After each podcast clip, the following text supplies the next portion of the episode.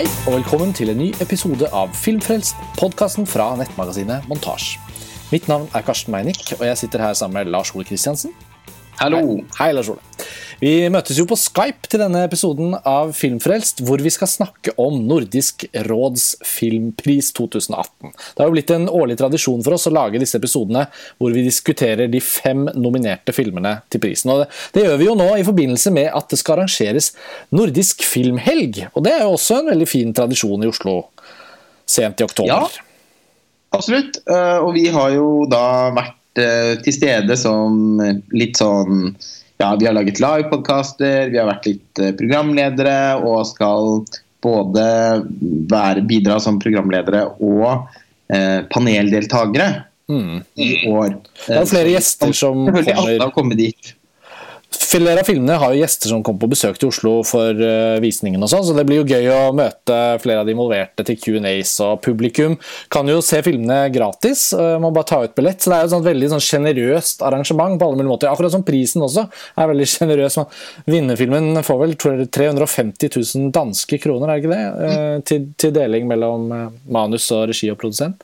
Ja, det er over 400 000 norske kroner, med. Så. Ja, så det er på alle mulige måter e-, egentlig veldig høythengende nordisk nordisk filmpris. Og vi har jo diskutert den i de episodene i fjor, året før osv. Um, ehm, litt sånn sammenhengen for prisen og historikken. Og, og det var jo ingen tvil om at vi endelig da, altså vi med stor glede kunne endelig liksom uh, se at Norge tok hjem denne prisen da Joachim Trier vant den for 'Louder Than Bombs'.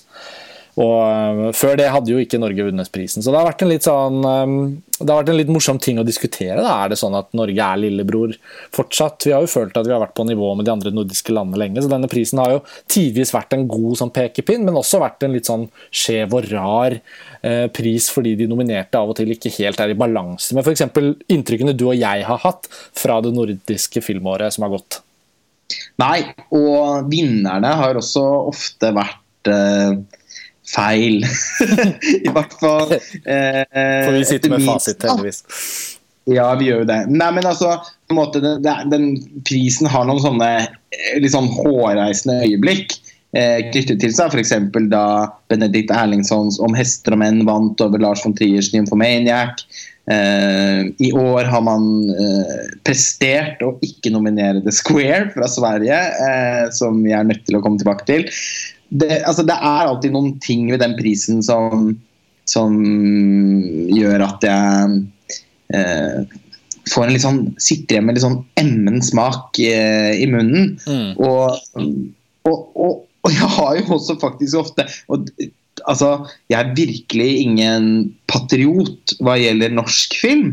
Tvert imot så anser jeg det som viktig å være så kritisk som mulig til, til å, å, å være i, altså det å være i stand til å vurdere norske filmer uh, ut fra de samme parameterne man bruker for internasjonale filmer, tenker jeg at det er en del av det liksom, mandatet man har gitt som kritiker. Så lytterne skal vite at vi har ingen agenda her vi på en måte er de norske supporterne. Eh, men jeg må si at jeg faktisk opptil flere ganger har tenkt at jeg syns at Norge har blitt litt forbigått. Eh, fordi eh, i løpet av de siste årene så har Norge ofte laget filmer som er vel så bra som i alle fall de som lages i Finland og Island. Mm. Og selv om vi av en eller annen grunn fortsatt sliter veldig med å bli en sånn filmfestival nasjon av betydning, som f.eks. Island har lyktes med, selv om de i mine øyne er en mindre filmnasjon enn Norge, eh, så, eh, så tenker jeg at bare det at Joachim Trier eh, ikke, altså bare har vunnet den ene gangen, og at den e eneste gangen vi har altså, Hva med Dag Johan Haugerud, f.eks., mm. som du ser meg? altså det jeg, jeg, jeg syns det har vært flere tilfeller hvor vi har stilt veldig sterkt ja. i forhold til i hvert fall flere av de andre nominerte. Ja. Og jeg syns vi også er i den Jeg syns også det er tilfellet i år, da. Mm.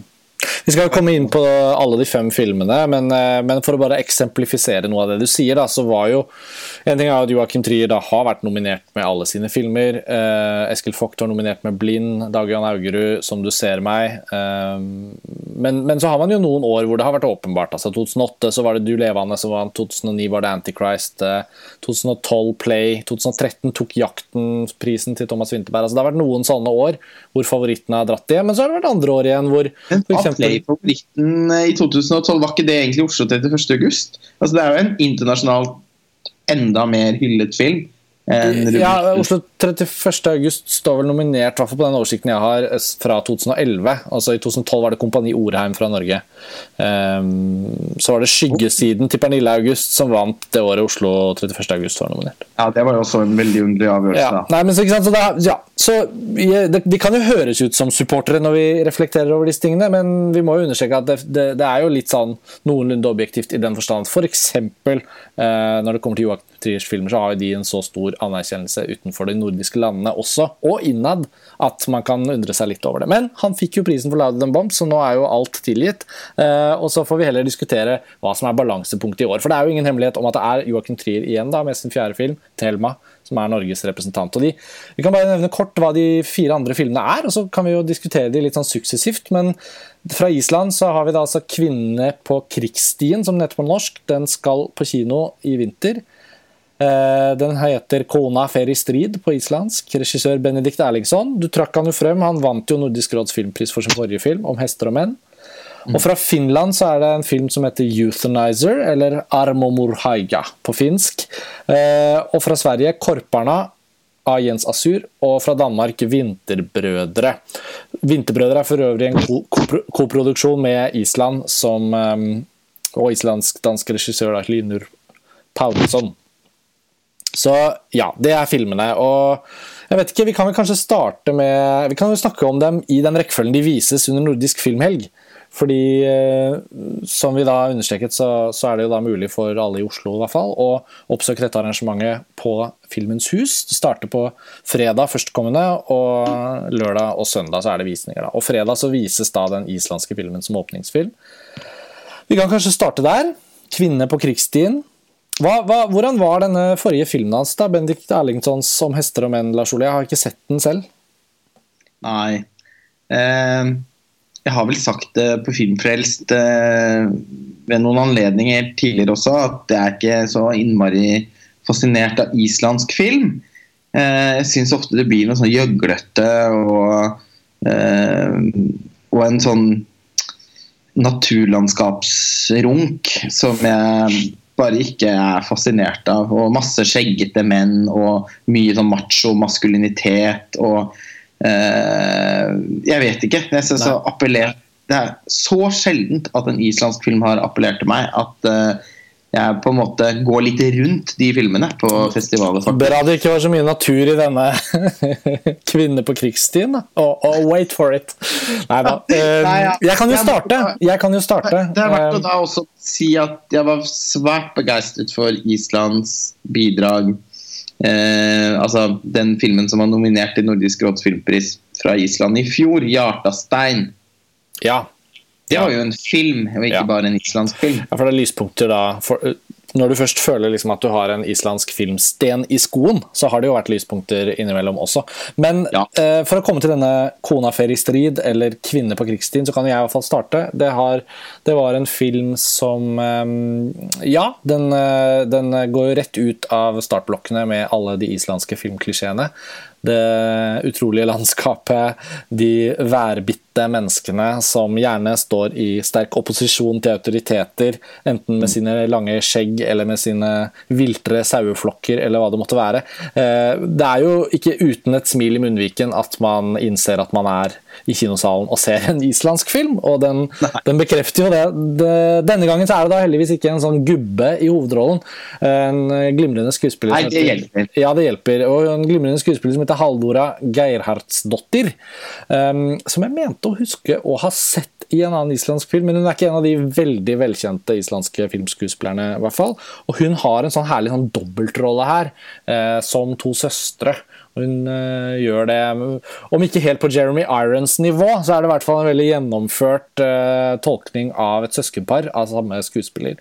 Så mm. hun besøker da også Oslo nå til helgen og skal, skal, snakke om filmen etter den visningen på fredag. Og hun er jo uh, filmens store attributt, da, fordi hun, hun gjør en litt sånn bravura skuespillerinnsats og hun har noe å spille på. Dette er jo da en kvinne som har sett seg så lei på disse gigantiske strømmastene som eh, blir montert opp over Island for å modernisere eh, distribusjonen av elektrisitet. Dette er jo et tema som vi kjenner til i Norge også. Det var store protester i Hardanger mot sånne såkalte monstermaster. Og her i Norge ble det vel laget først og fremst dokumentarfilm om den folkelige motstanden, mens Island så har vi da altså å gjøre med en veldig, veldig Hva skal vi si eh, eh, Rebelsk eh, komedie om denne ene kvinnens nesten litt sånn Robin Hood-aktige motstand. For hun tar også i bruk pil og bue for å bringe mm. ned disse monstermastene. Og så, og så blir det jo en uh, klappjakt på denne, denne, forbryteren ute i naturen. Da, og det er ingen som mistenker da denne trivelige uh, kordirigenten som uh, lever sitt stille liv og av og til tar en tekopp med søsteren sin. Så det er en sånn film som Du sa det jo morsomt der før vi startet, at den er typisk sånn publikumsprisvinner på filmfestivalen i Tromsø. Og det er jo litt sant. Den har alle de uh, særpregene. Men den var jo også da i Cannes, da, og hadde sin verdenspremiere der i kritikken. Han fikk masse anerkjennelse der, som de islandske filmene alltid får. Og mm. den har noen sånne grep også, som Uh, man, som noen vil synes er freshe, uh, men som jeg opplevde som manierte og og utdaterte. Det er jo det er jo veldig altså noen, Det er alltid sånn at det kommer noen filmer som blir sånne farlige filmer. Fordi de blir så innflytelsesrike at, uh, at folk blir inspirert andre filmskapere blir inspirert av de ofte på litt sånn uheldige måter. Og 'Birdman' er jo blitt en sånn film. Og mm. her har man jo da videreført det grepet om at orkesteret som lager den filmmusikken, uh, filmmusikken mm ofte er til stede i bildet. Sitter sånn i bakgrunnen. Det var for meg det absolutt pinligste med filmen. Og dessverre så var det veldig mye av det. Ja, det, det var ganske mye av det, og jeg syns jo heller ikke at det var det, var det var ikke det beste. Nei, og, og et sånt type kunstnerisk grep som som, som sikkert fremstår litt artig, hvis vi ikke har sett så mye ikke sett så mye litt annerledes film, mm. men som dessverre fikk helt motsatt effekt uh, hos meg. Det, det, var også noen sånne ting uh, ved filmen som minnet litt om sånn, litt sånn ut, Det var noen litt sånn utdaterte kunstfilmideer der som ledet tankene mine over på Emir Kusturica.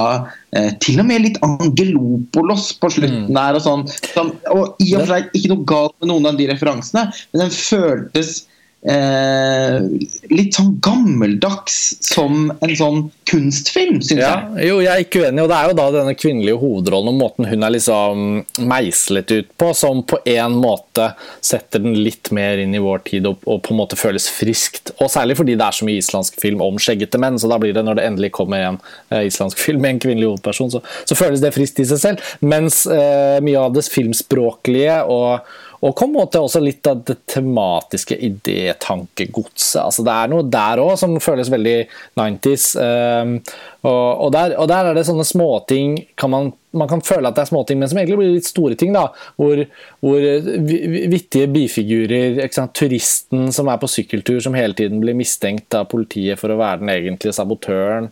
Um, mm. Sånne polit, politifolk og politikere som skal vise fram Island til kinesere. og sånn. Det er en del sånne ting som eh, ja, ikke, ikke fungerer så godt.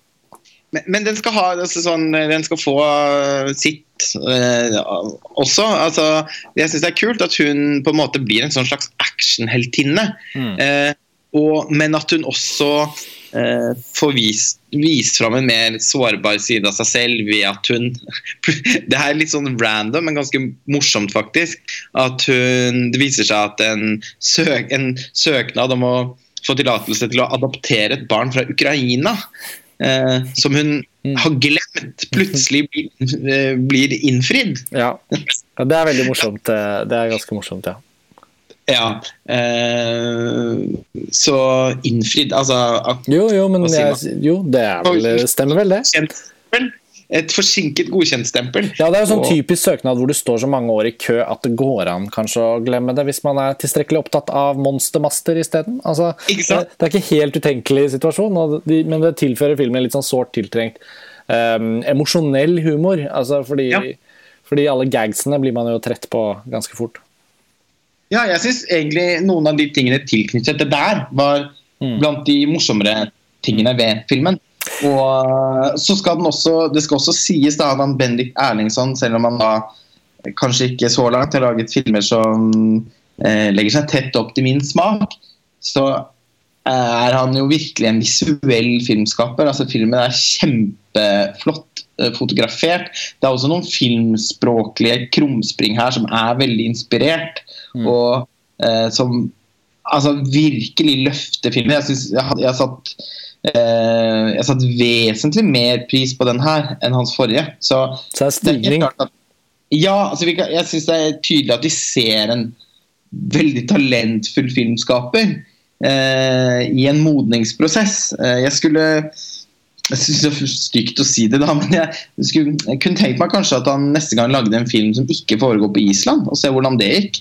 Mm. Jo, men det er ikke egentlig så dumt forslag. Eh, Balthazar Kormakur eh, forlot jo Island på et tidspunkt, og han har jo lyktes veldig bra sånn karrieremessig, selv om han på en måte fortsatt kanskje ikke helt har laget noen virkelig store filmer. Det er vel fortsatt 101 Reykjavik som er hans mest Ja. eh, anerkjente film. Men vi får nesten bevege oss videre. Nå har vi jo snakket oss i gang, i hvert fall. Eh, så må jeg likevel innrømme at den finske filmen 'Euthanizer' er nok den jeg er minst inspirert til å ha en lang, eh, dyptpløyende diskusjon om. Kanskje litt også pga. sjangeren den tilhører. Da. Dette er jo en sånn film som eh, som Ja, den har jo da en skjeggete Ikke fullt så skjeggete, da, men en bebrillet eldre mann som hovedperson. En fyr som lever i et litt sånt eh, bilverkstedsgarasjeavsondra område utenfor en landsby, og har tatt på seg den litt sånn eh, ja, hva skal vi si? Han har tatt på seg et slags ansvar eh, med å avlive eh, kjæledyr mot, mot betaling, eller eventuelt uten betaling. Og han, eh, han, han har blitt populær for å utføre den tjenesten, også fordi han har en sånn kommunikasjon med dyrene. Han, eh, han forstår deres lidelser og, og avliver dem for å la dem slippe unna menneskene. Også. det er utgangspunktet for en film som Jeg vet ikke hvilken helt sjanger den egentlig skriver seg inn i, men den blir jo litt som et sånt voldsdrama, på en måte. Den minner om en sånn dansk film på slutten av 90-tallet, begynnelsen av 2000-tallet. I Kina spiser de hund, blinkende lykter. Ikke, altså, ikke like mye en komedie som de, men, men hvis du liksom tar inn eh, en klype pusher inni der og Ja. Men den er jo ikke en realistisk film. ikke sant? Den opererer jo dette Euthanizer her. Det, bildene er for så vidt noenlunde realistiske, og miljøene og sånn. Det er jo ikke en sånn overestetisert univers. Men det er en veldig sånn skrevet eh, film, føler jeg. som er liksom, Den er som om den startet et sted der man, i den epoken hvor man ble veldig inspirert av Guy Ritchie. Og så er alle de litt sånn manierte Guy Ritchie-tingene helt vannet ut. Men vi sitter likevel igjen med et litt sånn semimaskulint forbryterunivers med noen snåle ideer. Men den har også noe eh, det jeg tenker at den også har en litt sånn noen andre trekk også altså En filmskaper jeg satt og tenkte en del på, er faktisk Kim Kiduk. Det høres jo helt underlig ut. Men, Men du tenker jo da kanskje særlig på senere Kim Ki-duk, fordi ja, men ikke bare. om. Nei? Er du tilbake til Bin Jip og Ikke Binjip. Men vår sommer, høst, vinter og vår tenkte jeg litt på. Fordi eh, han er jo en slags sånn Det er jo nesten noe sånn buddhistisk over han. Ja, spirituelt. mm. Han, han er opptatt av likevekt. Han, han er også sånn eh, Samtidig så har han sånn øye for øye, tann for tann. Eh, han, eh, han, er, han er åpen for selvtukt, på en måte, for å gjenopprette balansen i universet. Mm. Um, og eh, må, han er jo Han er jo en litt sånn alternativ dyreverner. Altså, han han er ikke Han har ikke et sentimentalt blikk på dyr, men uh, er opptatt av at de gjennomgår de samme lidelsene som mennesker. Og også opplever de samme gledene som mennesker. Og hvis noen gir uttrykk for at de ikke helt forstår det, så han gå går han liksom inn i et sånn modus hvor han Uh, hvor han må forklare de, altså vise de det. og ender jo opp da med å uh, straffe folk som har plaget dyr. Straffe seg selv hvis han ikke får anledning til å straffe noen andre som har gjort Som har sørget for at, at, at verden, ikke lenger, verden hans ikke lenger er i balanse. Mm. det er på en måte et slags sånn uh, ullent filosofisk aspekt også ved, ved denne filmen, som, uh, som, fikk meg til å tenke litt på på, på den tidlige Kim Kiduk-filmen. Mm. Uh, og så har den en sånn litt sånn røslig et litt sånn røslig uttrykk på en måte forankret i realisme, men med noen veldig sånn underlige brudd som minnet meg en del om de senere filmene til Kim Kiduk. Det var kanskje bare fordi jeg hengte meg opp i Kim Kiduk hadde tenkt så mye på han. Men eh, sånn ble det iallfall. Jeg tenkte faktisk også litt på Jim Jarmusch, eh, som ville laget en vesentlig mye bedre film, tror jeg, om, eh, med en, om et litt lignende miljø og en litt lignende hovedkarakter. Mm.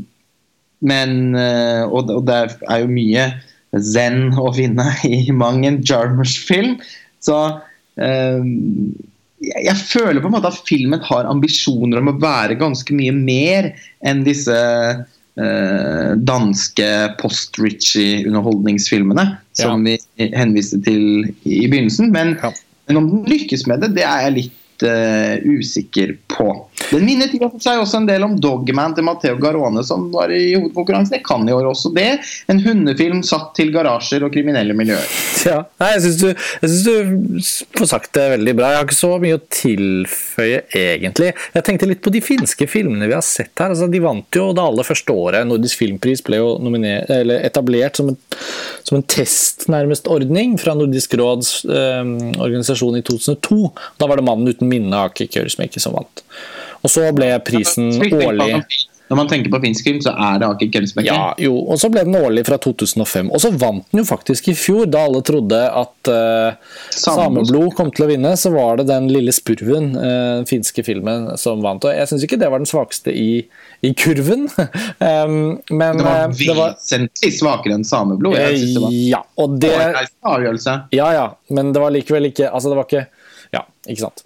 Det er jo det moderasjon i alle de vurderingene, men Sameblod var så, det var så opplagt vinner at jeg nesten ikke tenkte at det kom til å være noe diskusjon det, i fjor. Eh, men det ble det jo da, åpenbart. Eh, og nå, men når det kommer til det finske, så føler jeg at den filmen de hadde i 2014, eh, 'They Have Escaped', det var nok den av de finske fra de siste årene som jeg har hatt mest sansen for. og den tok i bruk liksom coming of age-sjangeren, på en måte, eller fortellergrepet, til å dra oss inn i et kriminelt uh, underverden-univers. Men, men, der ble det liksom så mye drøyere, da, så mye mørkere enn det denne filmen uh, Euthanizer får til. Sånn at jeg føler liksom at uh, finnene kan bedre, også i denne sjangeren.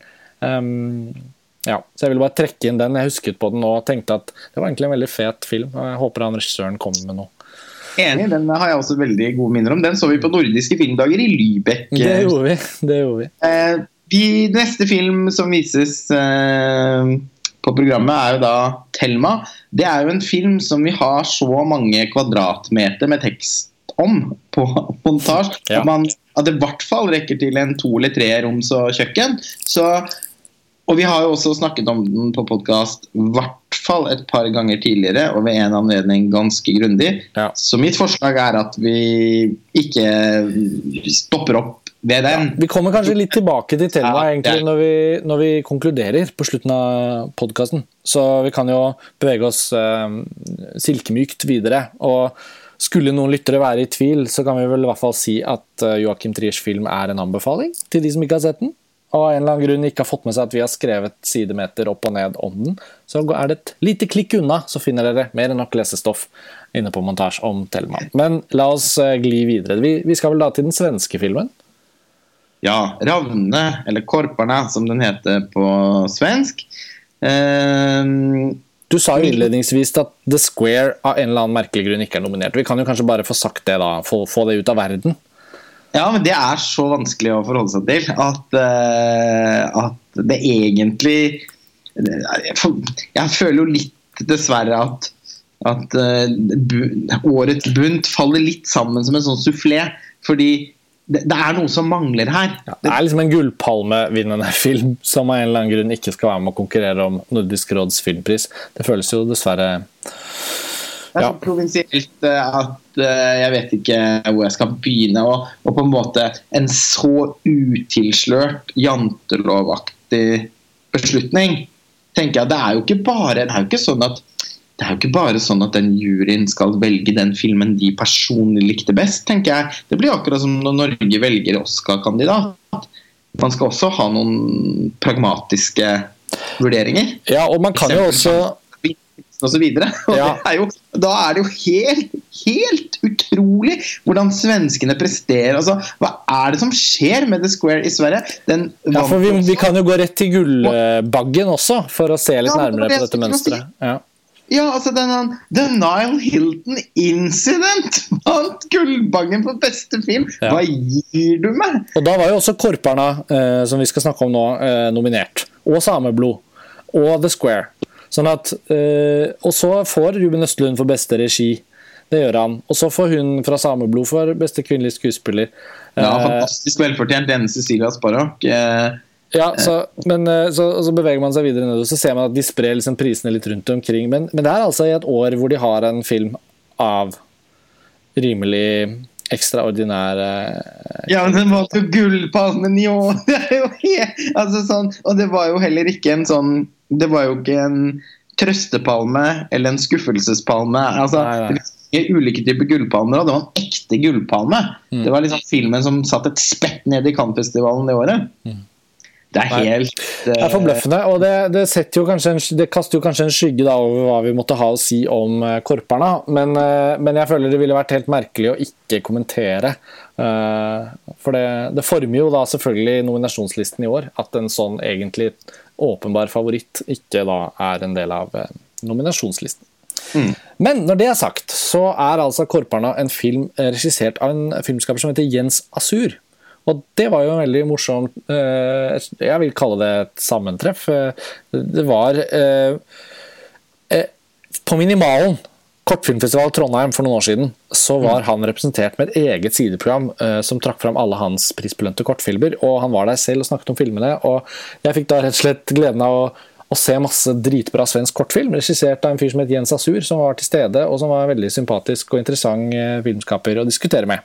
Og mm. plutselig her dukker en spillefilm opp som hadde premiere på filmfestivalen Toronto i fjor, og gikk på svenske kinoer i høsten i fjor, men av en eller annen grunn har ikke jeg hørt om den nesten i det hele tatt før den nå dukket opp her på listen over de nominerte til Nordisk råds filmpris. Så jeg syns jo filmen er bra.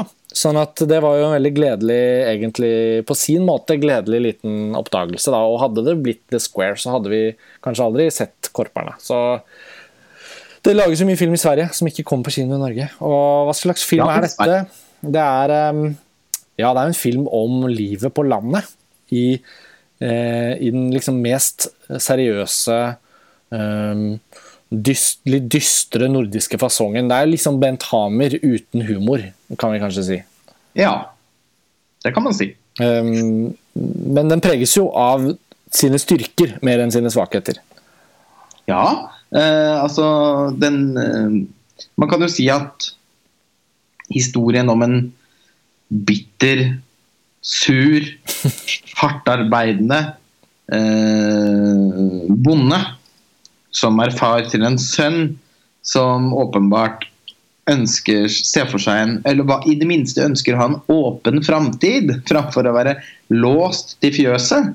Eh, det er jo ikke en spesielt original fortelling. Og eh, filmen er veldig, veldig bra spilt. Mm. Maria Heiskanen, som spiller kona til den mannlige hovedpersonen, er som alltid veldig god. Og han Reine Å, hva er det han heter? Brynilsson? Brynhildsson? Ja. ja. Altså, han er jo egentlig en litt sånn skatt. Uh, ja. Han spiller jo som regel uh, litt sånn slemme, onde rollefigurer, føler jeg. Ja, men alltid veldig bra. Mm. Og han får virkelig vist hva han er god for her. Og samspillet mellom han og den litt sånn apatiske sønnen fungerer veldig bra. Eh, det er en romanse mellom sønnen og en sånn jente som kommer fra Stockholm, som oppholder seg i bygda en sommer. Mm. Som også er veldig fint skildret. Som, og, og, ikke minst veldig svensk. Altså, det er umulig å ikke tenke på eh, lignende type scener fra andre svenske sånn sommerfilmer. En kjærlighetshistorie, f.eks. Mm. For det mest klisjéfulle eksempelet. Men eh, Og det, det, det er mye som isolert sett fungerer veldig bra med filmen. Den har en fantastisk tidskoloritt. Mm. Den har i 1978, tror jeg det er. Mm. Hele 1978, og så etter nyttår 1979. Ja. Fantastisk. altså Det er en av de bedre periodedetaljer Liksom. Altså, den er så perfekt gjennomført på det planet. Det er så Oscar-verdig bra. Mm. Eh, så Jeg blir jo alltid så lykkelig over å se noen ha en sånn type detaljorientering. Og det er vakkert òg, på en måte. Altså, sånn, Mm. eh, det var jo ganske mye Det var mye gyselig design eh, i overgangen fra 70- til 80-tallet, men som i dag er litt kult. Ja, altså, Den filmen den egentlig minte meg om, var liksom periodegjennomføringen i La den rette komme inn. På en eller annen Ja, måte. Den samme, den samme følelsen av sånn der, helt sånn perfeksjonert eh, fargepalett og detaljnivå i kostymer og alle liksom interiørene var også sånn Det var aldri overdrevet. Det var aldri noe sånn overdrevent popkulturelt eh, eh, sånn eh, referanseforankring i noe sånn tåpelig overtydelige Det var liksom bare så utrolig nedpå, men hele tiden så riktig. Um, og jeg syns også fotoarbeidet til denne Jonas Alarik, da, som hadde jo da foto i blindsone til Tuva Novotny tidligere. Han er jo helt fantastisk. Han er jo ny eh, Han må vi ha øynene opp for. Um, Han har jo også eh, Jeg ble jo eh, Jeg var ganske imponert over 'Blindsone'. Det er jo den, kanskje den eneste norske filmen på lenge som jeg virkelig har likt.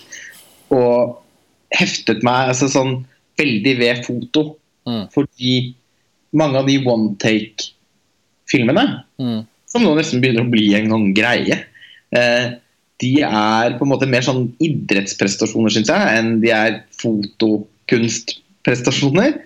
Men det var ikke tilfellet med den filmen. Den var veldig vakkert eh, lyssatt, og det var noen Altså, jeg var virkelig imponert over hvor mange poetiske grep det var i ly... Altså eh, på, på tross av at den var skutt i, den, ja, i en sånn nådeløs one take, da mm, og en faktisk one take, ikke en stipulert one take. mm. Så, så, jeg, så jeg satt veldig mye og tenkte hva er den, hvilken fotograf er dette her?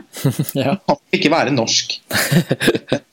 Det kan ikke være noen jeg kjenner til. Og så eh, så jeg det navnet på rulleteksten som jeg ikke hadde lagt merke til før.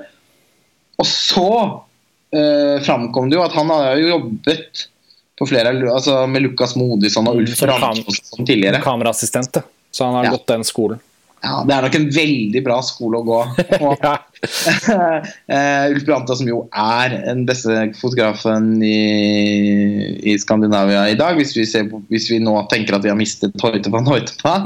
eh, så eh, og, det, og, og han herlig, altså Ravne eller Korparna altså, Den er jo så vakkert fotografert at eh, man, det er jo nesten vanskelig å ikke bare fokusere på ja, på hvor eh, Altså å sitte og nyte produksjonsdesign, kostymer og foto. Eh, og veldig god originalkomponert musikk. ja. Det er jo på en måte egentlig i seg selv mer enn nok. Ja, for det er faktisk såpass bra at det er eh, mer enn nok for meg til at dette er en veldig bra film. på en måte. Så skal det sies at fortellingens manglende originalitet og fremdrift gir deg også mye tid underveis da, til å nyte foto og produksjonsdesign og lytte til musikken og lyddesign. ikke. Eh, for det er jo en, eh, en Ja, den har et litt sånt honningaktig tempo, kan man si. Og, mm, og, det er åpenbart tilsiktet. Så det er litt sånn at Det var derfor jeg syns Bent Hamer egentlig var en grei referanse her. fordi på tross av at hans eh, lakoniske humor ikke er her i en Sasurs film, så, så, føler jeg liksom at det er den skolen. altså Det er den virkelig saktegående, litt sånn melankolske, men også litt realistiske, sånn tablåorienterte, visuelle nordiske filmen om livet på landet. Så da har vi en sånn. Og jeg ville anbefalt folk å se den nå. Den skal jo åpenbart ikke på kino i Norge, det er jo et over et år siden den gikk i Sverige. Og det blir jo nå en sjelden anledning rett og slett da, på Cinemateket på Filmens hus nå. Under nordisk filmhelg, å se den på det store lerretet, for det, det, er vel der den bør ses. Ja, altså den hører jo virkelig hjemme der. Så eh, hvis jeg skal anbefale folk å gå og hvis, hvis, man har, hvis man er nødt til å prioritere, og man selvfølgelig har sett Thelma fra før av. fordi hvis man er noenlunde interessert i film, så har man, har man, nok fått med seg den. Ja, og den har jo solgt mange billetter i Norge. Så. Ja, så, så, tenker jeg at man burde prioritere denne. Også fordi at det, er, den, det virkelig er en film å oppleve i landets beste kinosal. Uh, og jeg tenker at jeg er spent på hva både regissøren og, og ikke minst fotografen skal lage for noe framover. Ja, det blir spennende. Jeg tenkte også litt på og vi, før, vi snakket om det så vidt før vi skrudde på lydopptakeren. Eh, jeg, ikke for å bare liksom kaste rundt oss med, med, referanser, men noen ganger så kan det bare være så gøy å eh, kunne påminne eh, lyttere om en, filmer som har gjort inntrykk på oss. Mm. Og Flikkan av Fredrik Edfeldt eh, er fortsatt en av de aller, aller beste svenske filmene som er laget det siste tiåret.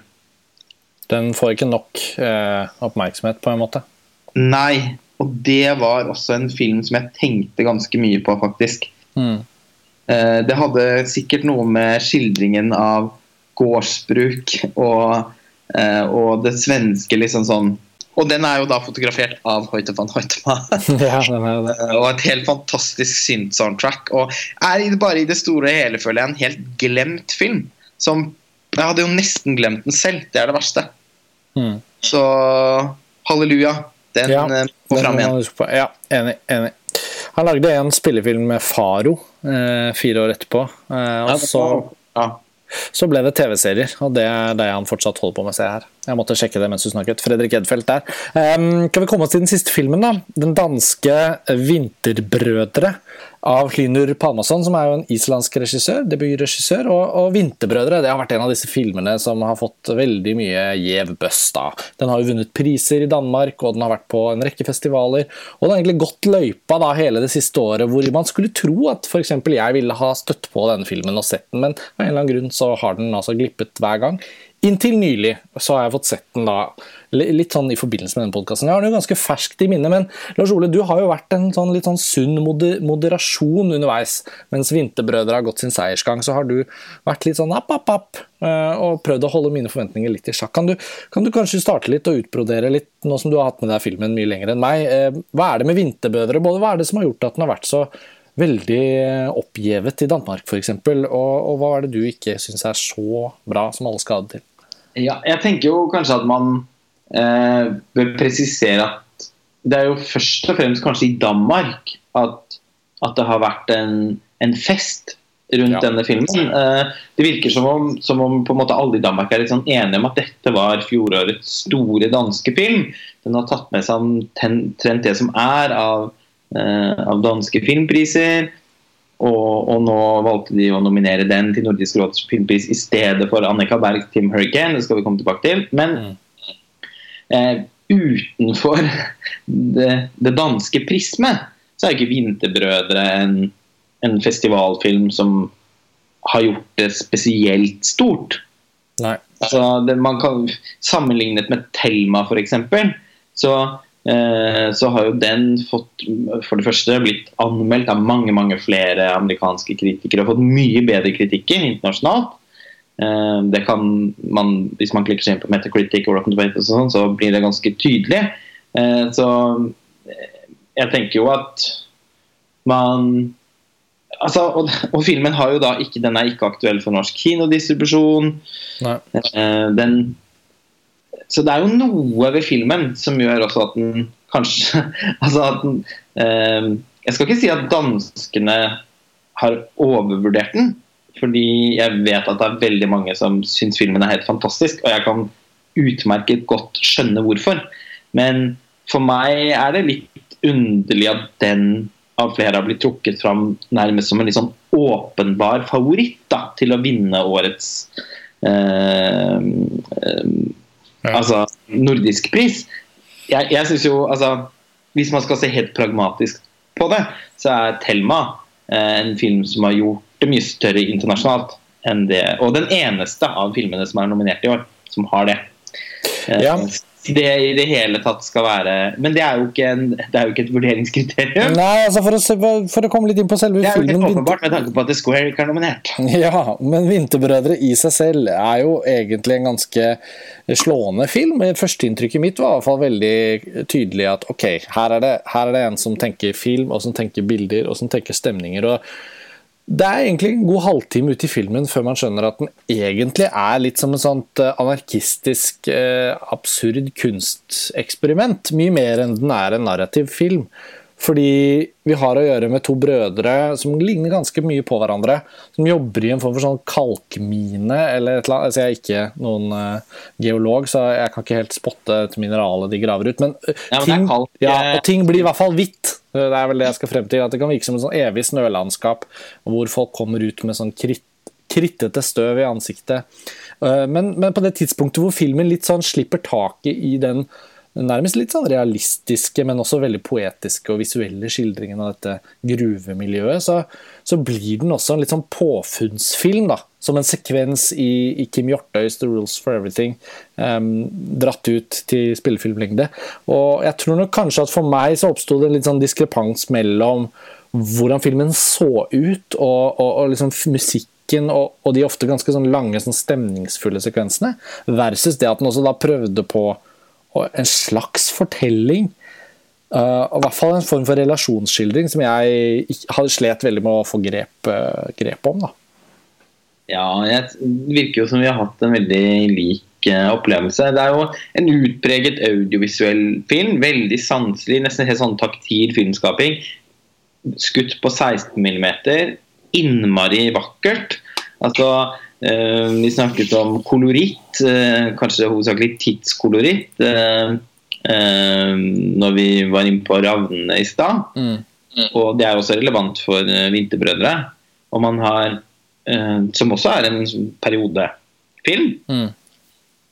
Og man har funnet et sånt altså sånn, Det er mye hvitt, beige, turkist, noen mm. innslag av pastell. Altså, sånn, innmari gjennomarbeidet uh, visualitet i filmen som i seg selv på en måte burde være nok til å, til å fascinere. Og hvis man på en måte bare legger vekk alt annet, så kan man jo hvis, Særlig hvis man ser den da i en kinosal, kunne dykke inn bare i liksom, teksturene og uh, atmosfæren i, i, filmen. Men mm.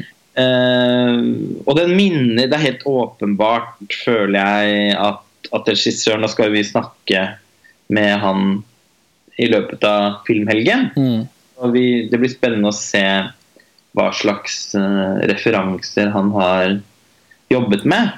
Men jeg tenkte altså, Det er helt åpenbart å tenke på sovjetisk film, på Tarkovskij, på ja. Erling Klimov. Ja. Eh, og sånne kalkpudrede ansikter inn i kamera. For meg er det også dessverre liksom kunstfilmklisjeer eh, som er avhengig av en mer sånn emosjonelt forankret historiefortelling til å kunne være tilstrekkelig motivert, eller i det minste til å kunne fungere. Nå er ikke jeg så veldig fan av at man skal måtte begrunne og forankre alle mulige visuelle grep i eh, karakterutvikling osv. Det er ikke det jeg mener, men det er bare noe her som likevel eh, gjør altså du, du, sa noe veldig bra om eh, Ravne i stad. Den hadde en sånn honningaktig tempo. Mm. og og det eh, føler jeg faktisk også at Vinterbrødre har. og jeg er litt u, altså sånn, jeg tenker at Det er jo åpenbart ikke det man er ute etter. Man, man ønsker snarere å skape en sånn feberdrøm. Mm. Uh, og, og, jeg blir ikke helt smittet av den, da. Av det viruset, på en måte. Uh, ikke første gang jeg så filmen, og heller ikke på gjensyn, dessverre. Jeg hadde, følte meg litt sånn dum etter jeg hadde sett den første gang, fordi det var så mange andre som, uh, som, som jublet og sang. og, og, og liksom og det, og det, er så mange Til å være såpass opptatt av at film skal være audiovisuell, som jeg vet at både du og jeg er, så føles det som sånn ned, nederlag å ikke eh, være Kunne elske denne, ja. fanklubben. Og ja. Det er masse å beundre ved filmen, det er helt åpenbart. Men, men heller ikke ved gjensyn så, så, var det, det, det helt store for meg. Og jeg syns jeg, synes, jeg må jo også si at jeg syns bare det er dølt av Danmark å ikke samle seg rundt Team Hurricane i stedet, som på alle måter er en viktigere og mer vesentlig film enn Vinterbrød. Vinterbrød er et helt sånn isolert kunstverk. Kunst, kunst, altså sånn kunstlett, mm. til og med. Altså mm. eh, en, en, en, snøkule, eh, og man kan riste på og se, se inni. Men som strengt tatt har veldig lite med vår verden å gjøre. og Det er ikke ja. det at alle er nødt til å Nei, men å ha det heller, men, men, når man har en film som er en så eks... og, og man har snakket om 'Vinterbrødet' som den kanskje største debuten i dansk film siden Lars von Triers 'The Element of Crime'. Jeg tenker, hallo, hva da med Team Hurricane? Jeg synes det er på alle måter en mye mer oppfinnsom, gripende, tankefull, uh, idérik film mm. enn uh, nå skal vi jo ikke bruke andre filmer til å dra de nominerte ned. Det er jo litt sånn lompent, for det er jo ikke de selv som har valgt å bli nominert til Nordisk råds filmpris og fortjener å bli vurdert på sine premisser. Men jeg må si at det oppstår en, en, en, en sånn skikkelig irritasjon i meg, særlig Én ting er med The Square, men den har jo selvfølgelig også fått sitt, og Ruben Østlund kunne sannsynligvis ikke brydd seg mindre, selv om han eh, har et sånn pågående show Eh. Performance hvor han later som at priser er det viktigste i verden for han. Det ja. tror jeg et sekund på. Ehm, men Annika Berg, for henne og for den filmen så hadde det virkelig betydd noe. Mm. Og i et år hvor det ikke er en eneste kvinnelig regissør som er nominert, så tenker jeg at det i seg selv er noe man bør stoppe opp ved og diskutere litt. Da er det desto større grunn til å se kunne man, til å snakke om hvordan man kunne kanskje vurdert litt annerledes. Noen ville også sagt at uh, Giram Haq uh, ville vært uh, den naturlige nominerte fra Norge istedenfor Joakim Trier. Det er jeg ikke enig i, men uh, selv om jeg syns det er en kjempebra film.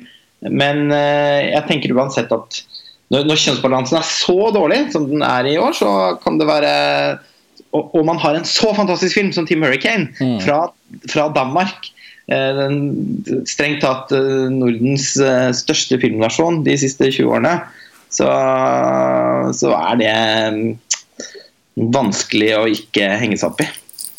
Ja, jeg kan bare si meg enig. i det. Du har mange gode poenger her. og Jeg er jo selvfølgelig også ekstremt eh, glad i Team Hurricane og føler jo liksom at det Vinterbrødre skal ha, da ikke sant? Den har jo, Nå har vi trukket fram mange av kvalitetene. Hun Maria von Hauswolfs foto, som er jo fantastisk. Hun hadde jo foto på den danske nominerte i fjor også, 'Foreldre'. Som også var en veldig sånn visuell film. Um, men også en veldig dårlig film? Ja, men den hadde liksom Det er det jeg husker fra den. Er jo, om det er noe, så er det i hvert fall bildene. Og, Absolutt. Og, og, og og, og, fantastisk arbeid fra henne. Ja, men sånn, og talent, ikke sant? Nei, og talent der på mange plan. Men det er faktisk viktigst for meg å påpeke det ene du sa i en lang rekke av ting du sa. Som handler om at uh, Vinterbrødre er veldig sånn påfallende lite forankret i vår verden. Det føler liksom ikke at den handler om noe som noen bryr seg om i samfunnet rundt oss. Og Team Hurricane handler om det liksom i hvert eneste frame og i hver eneste replikk. Sånn at um, Det er noe med det òg, da. Om en film dirrer og virkelig er en del av tiden vår, eller om den på en måte kan henges opp på veggen og beundres. Uh, og Jeg føler det er litt forskjellen her. da. Og uh, Nå har det faktisk bare skjedd én gang da, at en regissør har vunnet prisen to ganger. Det er Thomas Winterberg som vant den for 'Submarino' i 2010. Og, Og, og for jakten i 2013. Ja, Ja, men jeg bare tenkte på det vi, det, vi, det vi snakket om i forhold til eh, Ja, litt i forhold til Ruben Østlund. Han vant jo da for, ja, for Play. Og, og så er det jo spennende å se, da, hvis vi nå skal avslutte med en liten form for sånn tipsrunde, altså kan Joakim Trier faktisk vinne prisen to ganger um, og bli den andre regissøren som, som, som oppnår det? Eller uh, vil Benedicte Erlingsson bli den andre av uh, av noen regissører som kan vinne to ganger siden han vant for Om hester og menn. Han har jo kanskje den mest publik, altså mer sånn akutt publikumsvennlige da, for det brede laget folket, eh, med kvinner på krigsstien. Altså, mener du et sånn Gimle-publikum? Ja, jeg vet, nei, jo, jeg mener bare at av disse filmene Jeg tror ikke ungdommen vil like Nei, nei, men Thelma vi, vi, vi, vi kjenner jo Telma og dens liksom, e- egenskaper som både som sjangerfilm og som kunstfilm, og som bare kvalitetsfilm generelt. det er ikke det. Jeg bare sier at eh, Thelma er jo ikke den filmen hvor du hopper opp av setet og kaster deg over publikumsstemmelappen og slenger den i altså, Vi gjør det, men jeg mener sånn hvis man skal ta en form for sånn objektivt overblikk da, på disse fem filmene og spå en vinner, så kan det føles opplagt at Thelma kanskje er den beste filmen i våre øyne, men jeg er ikke sikker på om den er den mest opplagte vinneren når man ser på historikken her, da. Nei, altså jeg tenker at nå, nå er det jo ikke folk som stemmer på prisen. Nei, det er det heller Så ikke. det er jo ikke noen publikumspris, det er jo en eks ekspertisepris. Eh, og eh, ser vi på historikken, så er det så mange underlige avgjørelser at det er liten grunn til å tro at den beste filmen vinner. Det er trist for prisen, men at det skal være sånn. Men, men sånn er det. altså Når Sameblod ikke vant i fjor foran den ganske stusslige Little Wing, som var en søt, li, bitte, bitte liten debutfilm Mm. med mange fine anslag, satt opp mot en sånn helt sånn eh, Altså en virkelig slående debutfilm. Mm. Sameblod. I fjor var vel forresten alle de nominerte filmene debutfilmer. Mm. Ganske utrolig å tenke på. Men Sameblod var jo virkelig sånn Altså eh, en sånn Ja, en debut som føltes litt sånn Altså så Man rettet seg opp i kinosetet. Ja, ja, og den handlet om noe da, på en sånn virkelig relevant måte. Ja, altså jeg kan ikke ha ord for hvor mye bedre jeg syns den er enn den Little Wing. Eh, men likevel så, så vant den ikke. Altså, så, så derfor tenker jeg da, da vinner sikkert ikke Thelma heller. Jeg synes det er helt åpenbart at den filmen Én ting er at den har altså at den har jo den har fått mye mer internasjonal oppmerksomhet enn de andre nominerte filmene. Den er også, skal sies da, i Sverige og Danmark en mer kritikerrost film enn de fleste av Ja, den er det. Og så pris, prisen skal f.eks. fått litt blandet kritikk eh, i Sverige. Utenizer i Finland, Gone Eh, Det følger jeg ikke med på. Eh, Vinterbrødet er veldig hyllet i Danmark, da selvfølgelig, men det er også Thelma. Det skal sies at Mm. eh, femmeren- fem- og seksstjernerne satt løst hos danske anmeldere. De føler jo også at Joakim Trier er litt dansk. Ja, de tar et eierskap der. Og så, skal det jo sies at prisen deles ut i Operaen i Oslo i år, da. Så, så hvis filmene må ha en scene fra utdelingsstedet, så kvalifiserer jo også Thelma. ja.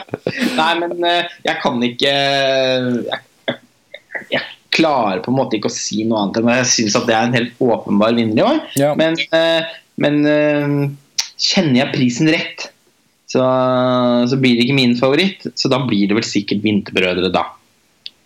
Jeg, jeg, hvis ikke det skulle bli til meg, så har jeg, holder jeg en knapp på den kvinne på krigsstien. Ikke fordi jeg syns den er best, men fordi det, jeg får en sånn følelse av at det, at det fortsatt er veldig mye medvind for disse islandske snåle, snålingfilmene.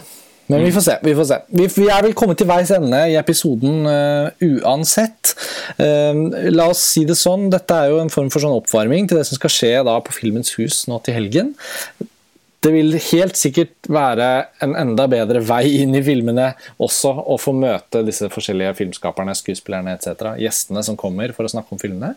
Så vi får bare oppfordre lytterne til å ta turen, og kanskje er dere enige med oss, og kanskje er dere ikke det. Vi kan jo kanskje få høre fra dere i kommentarfeltet om dere allerede har sett filmene, eller om dere skal se dem til helgen. Mm. Um, Lars Ole, takk for denne gang. Litt morsomt å være tilbake på Skype. da, Dette gamle formatet som uh, var så viktig i denne podkastens dannelsesår. Men som Ja, likte det litt. Jeg ble litt nostalgisk. ja, i stadig sjeldnere grad kommer tilbake til. Vi får håpe det har vært noenlunde teknisk knirkefritt for lytterne å høre på denne episoden. Vi er straks tilbake med nye podkastsamtaler. Takk for denne gang, og ha det bra. Ha det bra.